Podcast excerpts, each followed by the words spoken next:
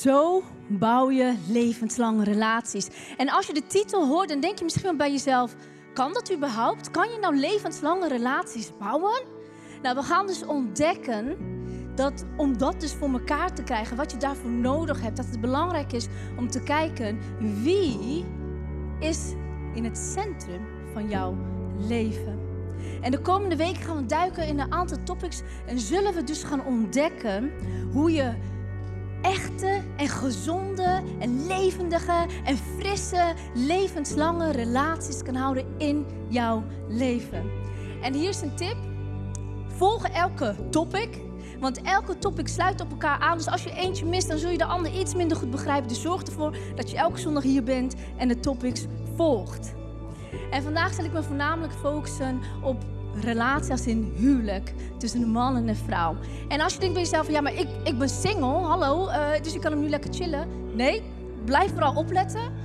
Want de bouwstenen die we vandaag zullen bespreken, de waarden, de normen, de topics die we vandaag zullen bespreken, zullen de bouwstenen vormen voor jouw huwelijk, voor jouw relatie, voor jouw vriendschappen die jij nog gaat krijgen in de toekomst. Dus zorg ervoor dat je de QR-code al hebt gescand en dat je aantekeningen maakt en dat je actief meeluistert, want dit wil jij niet missen.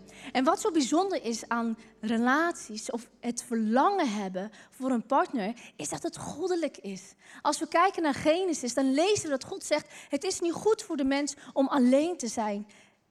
Jij hebt iemand nodig. Dus het verlangen wat jij hebt van binnen voor een partner is goddelijk. Dat is heel gewoon. En als je bij jezelf denkt: Ja, maar ik ben single, dat is ook geen probleem. Het is oké.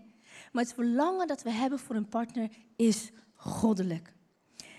Mijn man en ik zijn ongeveer 6,5 eh, jaar getrouwd met elkaar. Ongeveer, ik ben er heel slecht in, maar ongeveer 6,5 jaar getrouwd met elkaar. Waarvan bijna vier jaar, bijna vier jaar met elkaar getrouwd zijn. En het is zo fantastisch. En ik vind het elke keer echt zo bijzonder. Niet elke dag is trouwens fantastisch.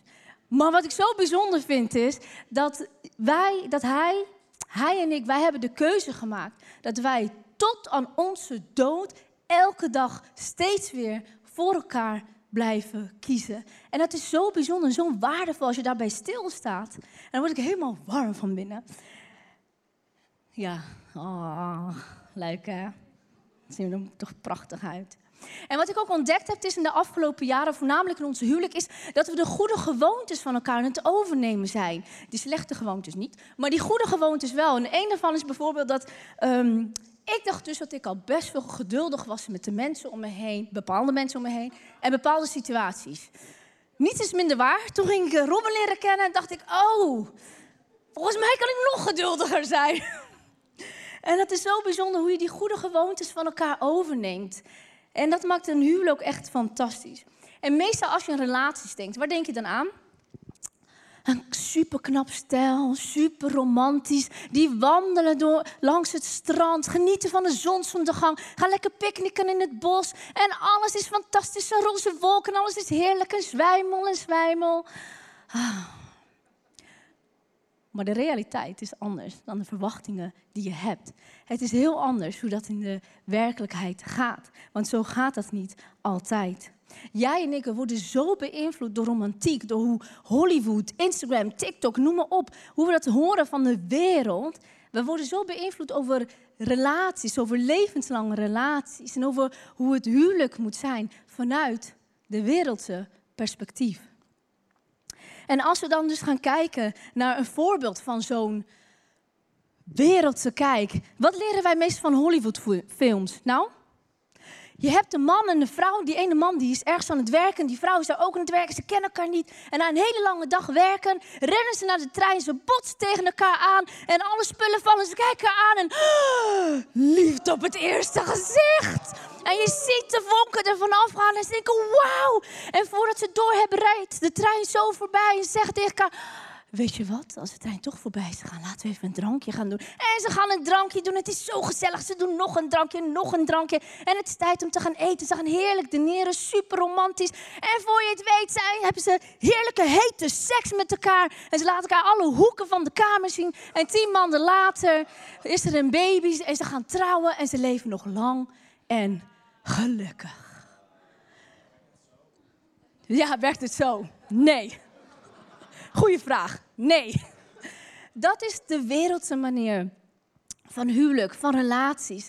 Dat is hoe de wereld het ons wilt aanleren. Maar als we kijken naar onze maker, als we kijken naar onze God en de waardes die hij gelegd heeft in het huwelijk, in gezonde relaties, dan ziet dat er anders uit. Maar eerst gaan we kijken hoe je dat op de wereldse manier, hoe dat gaat. Want allereerst, wat er gebeurd is, waar begint het allemaal mee? met het fysieke gedeelte. Daar begint het allemaal mee. En voordat je door hebt, want ze genieten natuurlijk van elkaars uiterlijk, hebben seks elke dag en het is zo fantastisch. En als die fase voorbij is, wat komt er dan bij kijken?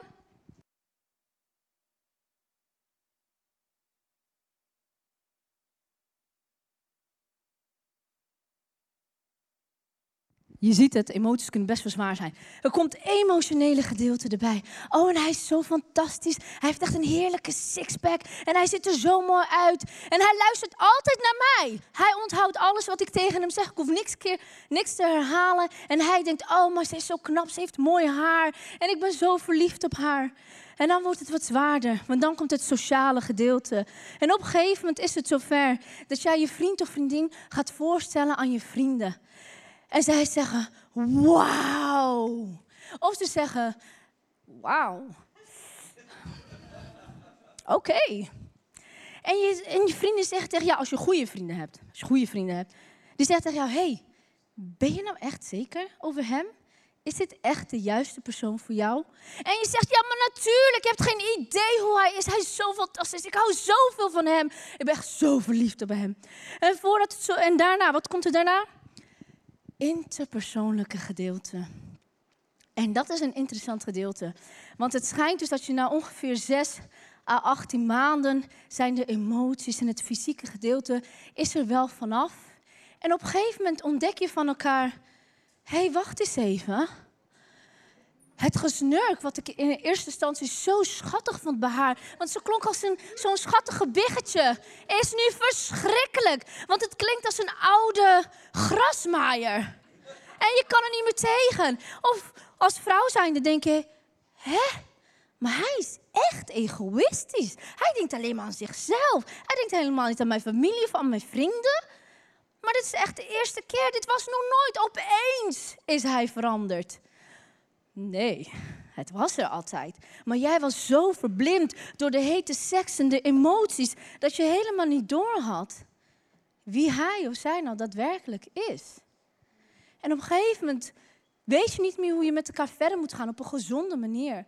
Op een gegeven moment bedenk je dan, ik heb Gods hulp nodig. Sterker nog, ik heb een wonder nodig. We hebben een wonder nodig in ons huwelijk, want anders redden we het gewoon niet meer. God, alstublieft, kom toch, helpt u ons. Oh, en onze kinderen zijn verschrikkelijk en het lukt ons niet. En dan je komt naar de kerk en je voelt je schuldig en je kan het niet aan. En voordat je het weet, wat gebeurt als we op deze manier onze fundering bouwen? Bam! Het stort in. En dit is de wereldse manier.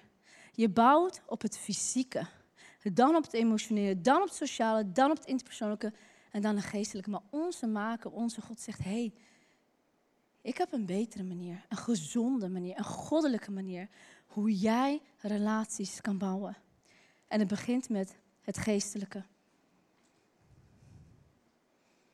En het geestelijke is het eerste waar jij je op focust. En bij het geestelijke zeg je daarmee, ik, ik begin mijn leven met mijn God.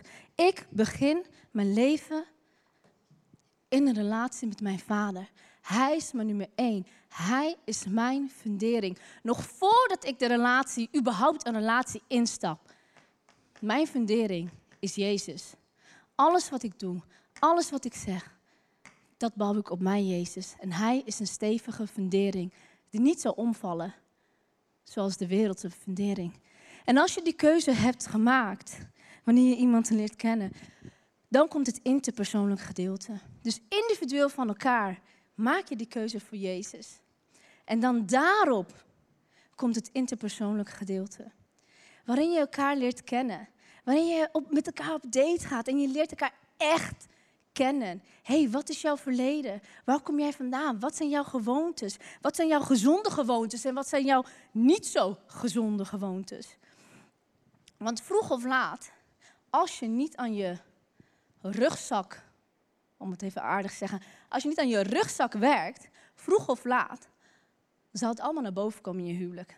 Vroeg of laat, het komt naar boven. Je verslavingen, je um, laag zelfbeeld wat je van jezelf hebt, ongezonde waardenormen die je mee hebt gekregen van je familie. Vroeg of laat komt het allemaal naar boven. En dan moet je samen met je partner daar gaan werken. En dat is tough. Dus je kan beter eerst de keuze maken, nog voordat ik een relatie aanga, ga ik eerst werken aan alles wat ik heb, aan al die ongezonde gewoontes en al die ongezonde gedachten, gevoelens die ik heb. Daar ga ik aan werken zodat ik een stevige fundering kan bouwen voor mijn huwelijk, voor mijn kinderen, voor mijn partner, voor mijn kerk, voor mijn vrienden. En als je dat hebt gedaan, dan komt het sociale gedeelte. Mega belangrijk. Waarom? Kies voor echte vriendschappen. Voor vriendschappen die eerlijk tegen je durven te zijn. Op een liefdevolle manier. Tegen jou, uh, voor jou een spiegel durven, voor je gezicht een spiegel durven te houden. En tegen je durven te zeggen van, hé, hey, weet je Heaven, die keuzes die je daar en daar maakt, ben jij zeker daarover? Want ik merk dat dit het effect is in jouw leven. En het brengt je niet dichter bij God, maar het brengt je verder weg bij God. Investeer in echte, belangrijke, goede vriendschappen. Die oprecht en eerlijk durven te zijn. En dan komt het emotionele gedeelte. Geniet dan van elkaar. Geniet van die roze wolk en van die vlinders in je buik en al die kriebels die je ervaart en dat je elke dag belt. Mijn man en ik, voordat we getrouwd waren, belden we elkaar heel vaak. Nu niet zo heel vaak. Oh ja, ik ben brood vergeten, we willen nog even halen. ja, dat herken je. Geniet van het emotionele. En dan, als je zover bent dat je de keuze maakt voor elkaar en zegt: Ik ga de rest van mijn leven samen met jou. Dan, bam, Geniet van de seks zoveel als je kan. Elke dag, om de week, om de dag. In je huis, buiten. Nou ja, buiten weet ik niet, maar geniet ervan. Geniet ervan. Als je getrouwd bent en elkaar uh, de keuze hebt gemaakt voor elkaar, dan pas komt de seks. En dan kan je genieten van elkaar op die manier. En dit, dit is de goddelijke manier.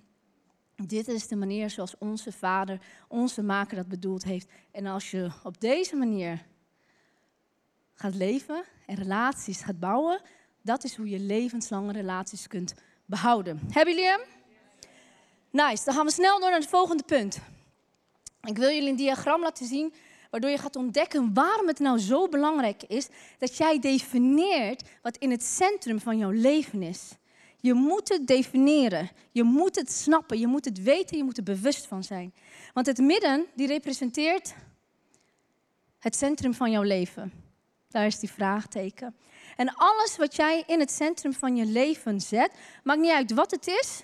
Je huwelijk, je partner, je kinderen, je baan, je carrière, noem maar op. Dat heeft impact op jouw waarden en overtuigingen. En dat heeft weer impact op je acties en je beslissingen en je ratentaal, dat heeft weer impact op het invloed en effect die jij in jouw omgeving hebt. Dus het is zo belangrijk dat jij definieert wat zit in het centrum van mijn leven.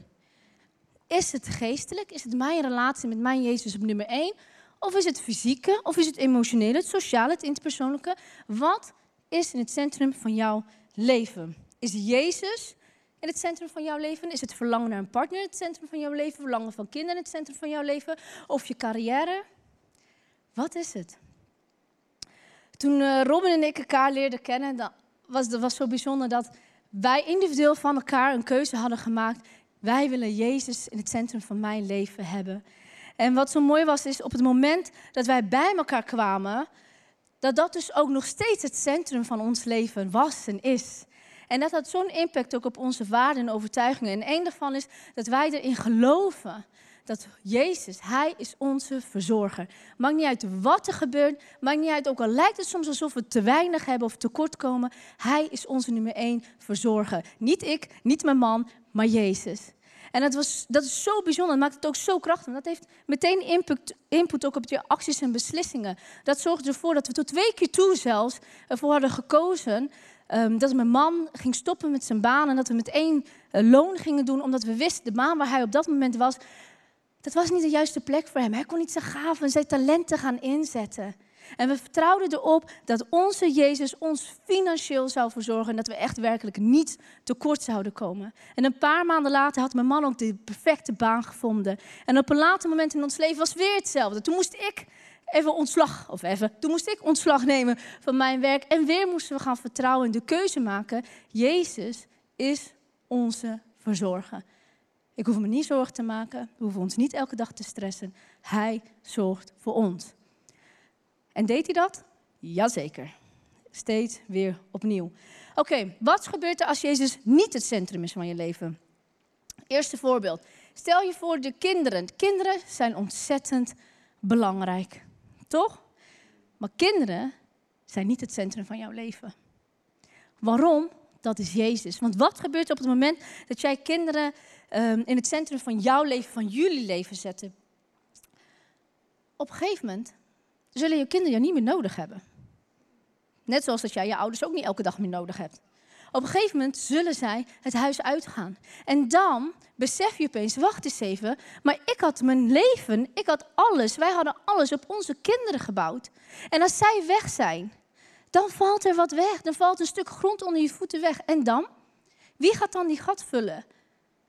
Kinderen zijn ontzettend belangrijk. En moet je ontzettend van houden goed zorgen. Maar ze, zijn niet, ze horen niet op de plek waar Jezus hoort te zijn. Hij is het centrum van jouw leven. Of wat denk je van een partner? Op het moment dat jij het verlangen van een partner in het centrum van jouw leven zet, wat gebeurt er dan? Dan zet je een ongelofelijke druk op jouw partner, want je verwacht alles van jouw partner.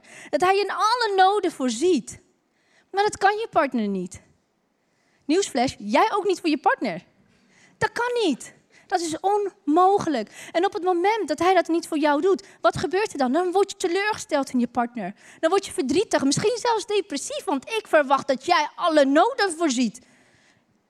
Dat kan niet. Er zullen altijd gedeeltes in je leven zijn dat alleen Jezus kan vullen. Niet je partner, niet je kinderen. Of wat denk je van sport? Stel, jullie houden allebei van sport. En het sporten, jullie hobby, dat is jullie nummer één. Dat is het centrum wat je zet in jouw leven. Maar op een gegeven moment kan het zijn dat de ander geen interesse meer heeft in hetzelfde. Of nou hiken, rennen, zwemmen, whatever. Die heeft er geen interesse meer. Of nog erger, die kan dat niet meer doen. En dan? Dan valt er een fundering onder je voeten weg. Want jouw fundering, het centrum van je leven, was gebaseerd op jullie hobby, op het sporten. En wat doe je dan? En dat is ook de uitdaging. We zijn allemaal in de verleiding om iets anders in het centrum te zetten. Maar niet, werkelijk niet, is eeuwig. Behalve Jezus. Geloof je dat? Geloof je dat Hij de enige is die eeuwig is? En dat Hij degene is die in het centrum van je leven hoort te zijn? En we weten allemaal dat er ook een spanning is als we bidden voor een zegen op het gebied van kinderen, partner of een goede carrière of goede vriendschappen. En het zijn allemaal goede dingen. Maar als we de zegen het centrum maken, in plaats van degene die ons de zegen geeft, dan zal fundering in jouw leven niet lang stevig blijven.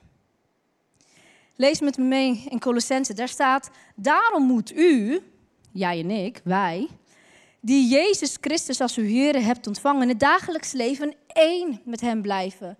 Met uw wortels diep, diep, diep in Hem verankerd. Moet, u leven, moet u uw leven door Hem laten opbouwen. Blijf in geloof vasthouden aan wat u over Hem hebt geleerd. En laat uw hart daarbij overvloeien van dankbaarheid. Wees dankbaar voor alles wat Hij doet. In welke seizoen je ook in je leven bevindt. Wees dankbaar voor alles wat Hij doet. Ga doen en zal doen. En wees altijd op uw hoede. Let op.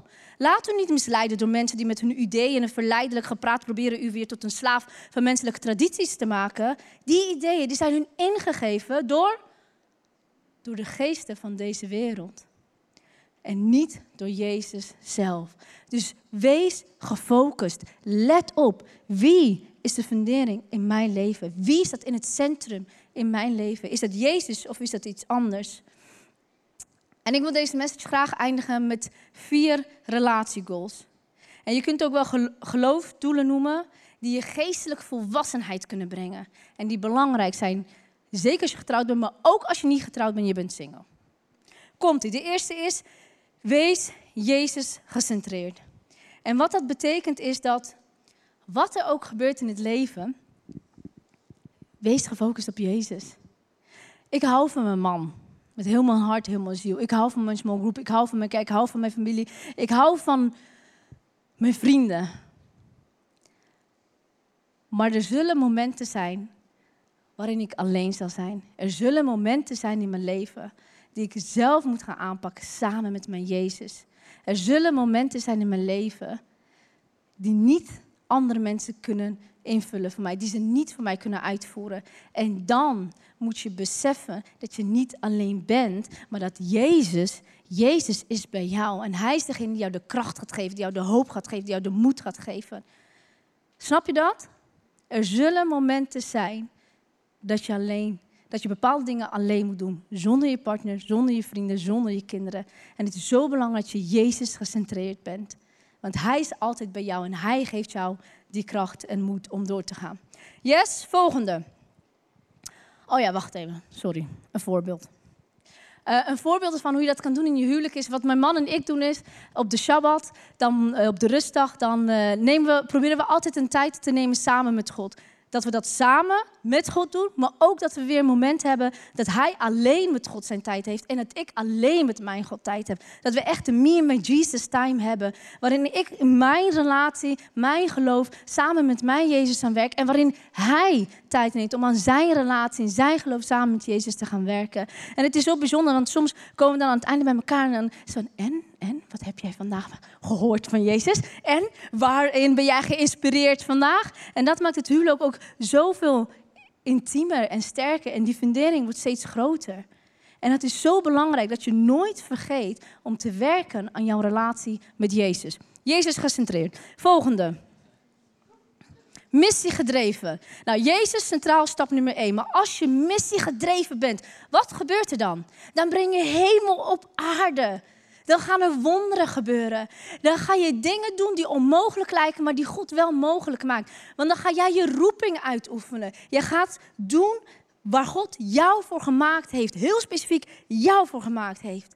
En je brengt dan hemel op aarde. Dus vraag jezelf af: ben ik missie gedreven? Leef ik de roeping uit die God voor mijn leven heeft? Of ben ik toch best wel vaak afgeleid? Leef missie gedreven. En dan de volgende. Love deze. Ik hou van deze duivelkicking. Lees met me mee. Staat in 1 Petrus. De duivel is jullie vijand. De duivel is niet onze vriend. Doet zich soms voor als onze vriend, maar hij is onze vijand. Hij zoekt altijd iemand die hij kan vernietigen. Dat is zijn werk. De duivel, wat doet hij? Liegen, bedrog, dood, verderf. Dat is zijn werk. Hij kan niet goed doen. Punt. Hij is op jacht als een brullende leeuw. Wees dus verstandig en let goed op. Let goed op, want alles waar God van houdt, alles waar God van houdt, gezonde relaties, um, noem maar op, alles waar God van houdt, de duivel, die haat het. De duivel, die haat het en die wil het neerbrengen. De duivel die haat gezonde relaties. Hij haat gezonde families. Hij haat het als jij een puur leven wilt leiden. Hij haat het als je wilt gaan geven. Want dan krijg je de vraag, ben jij zeker? Kom je dan niets tekort? Heb jij wel genoeg? Of het nou je financiën zijn, je gaven, je talenten, je tijd. Hij haat het als jij probeert om puur te leven. En daarom zijn soms ook relaties, of nou een gezin is, een vriendschap, een huwelijk, een relatie, die zijn soms echt wel taf, hè? Die zijn soms taf. Maar wees iemand die de duivel wegkikt. Bijvoorbeeld als je een knappe man ziet lopen en je denkt, oh, hij is best wel knap. Blijf daar niet naast staren en ga er niet in je gedachten verder, want dat, dat is al niet goddelijk. Wees duivelkikking. Zeg, oh, nee, hij knap. En dan loop je door. Want je hebt nog iets lekkers thuis, je man. Althans, ik er wel. Of als je wilt geven, je financiën of je talenten of je gaven. Twijfel daar niet aan. Want daarmee bouw je Gods koninkrijk. Daarmee breng je hemel op aarde. Daarmee veranderen de, de levens van de mensen om je heen. Daarmee wordt Jezus zichtbaar hier op aarde. Duivelkikking. Kan je op je cv zetten.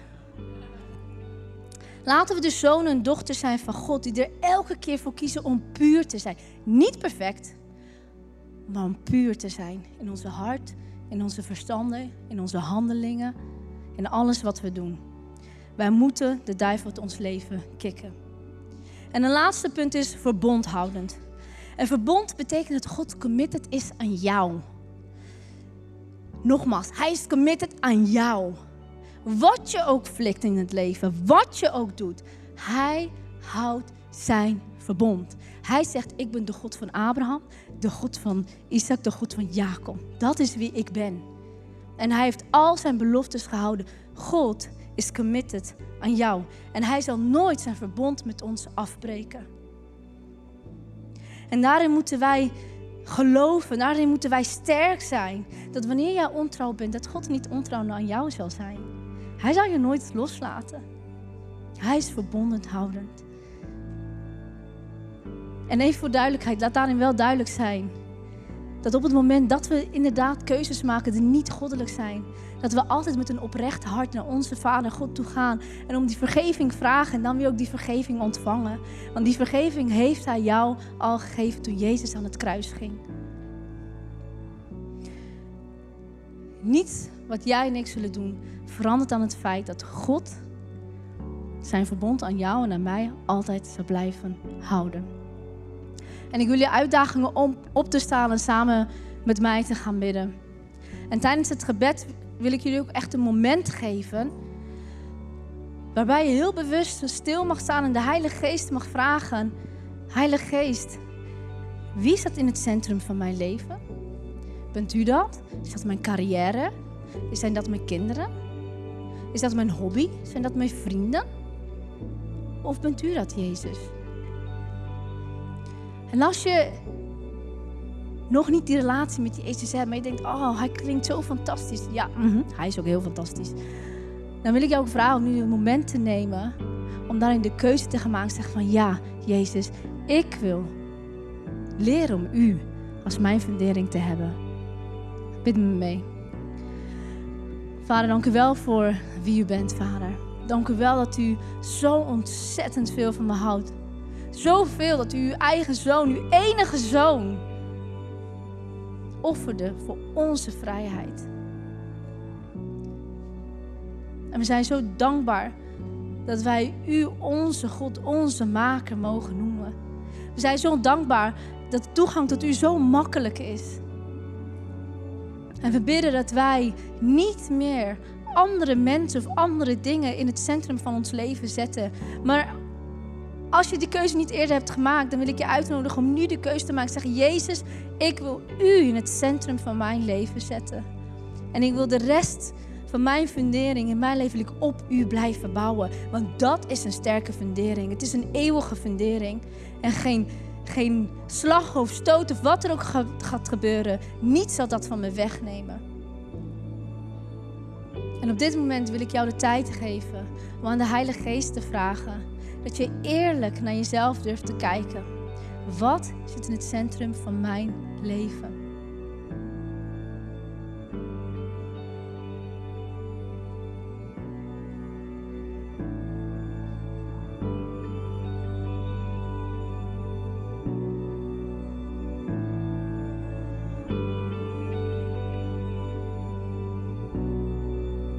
Wees niet bang om ernaar te kijken. Voel je niet schuldig. Of krijg niet het idee dat hij jou beoordeelt om wat je gedaan hebt. Of om wat jij in het centrum van je leven hebt gezet in plaats van Jezus zelf. Wees eerlijk en vertel het hem. Vader, ik heb mijn kinderen, of ik heb mijn verslaving, of ik heb mijn carrière. Ik heb iets anders in het centrum van mijn leven gezet. Maar vandaag maak ik de keuze om u in het centrum van mijn leven te zetten. Ik wil Jezus gecentreerd zijn, missie gedreven, duivelkikking. En ik wil nooit vergeten dat u een God bent die zich aan zijn woorden houdt. En u zult mij nooit verlaten. In Jezus' naam. Amen. Amen.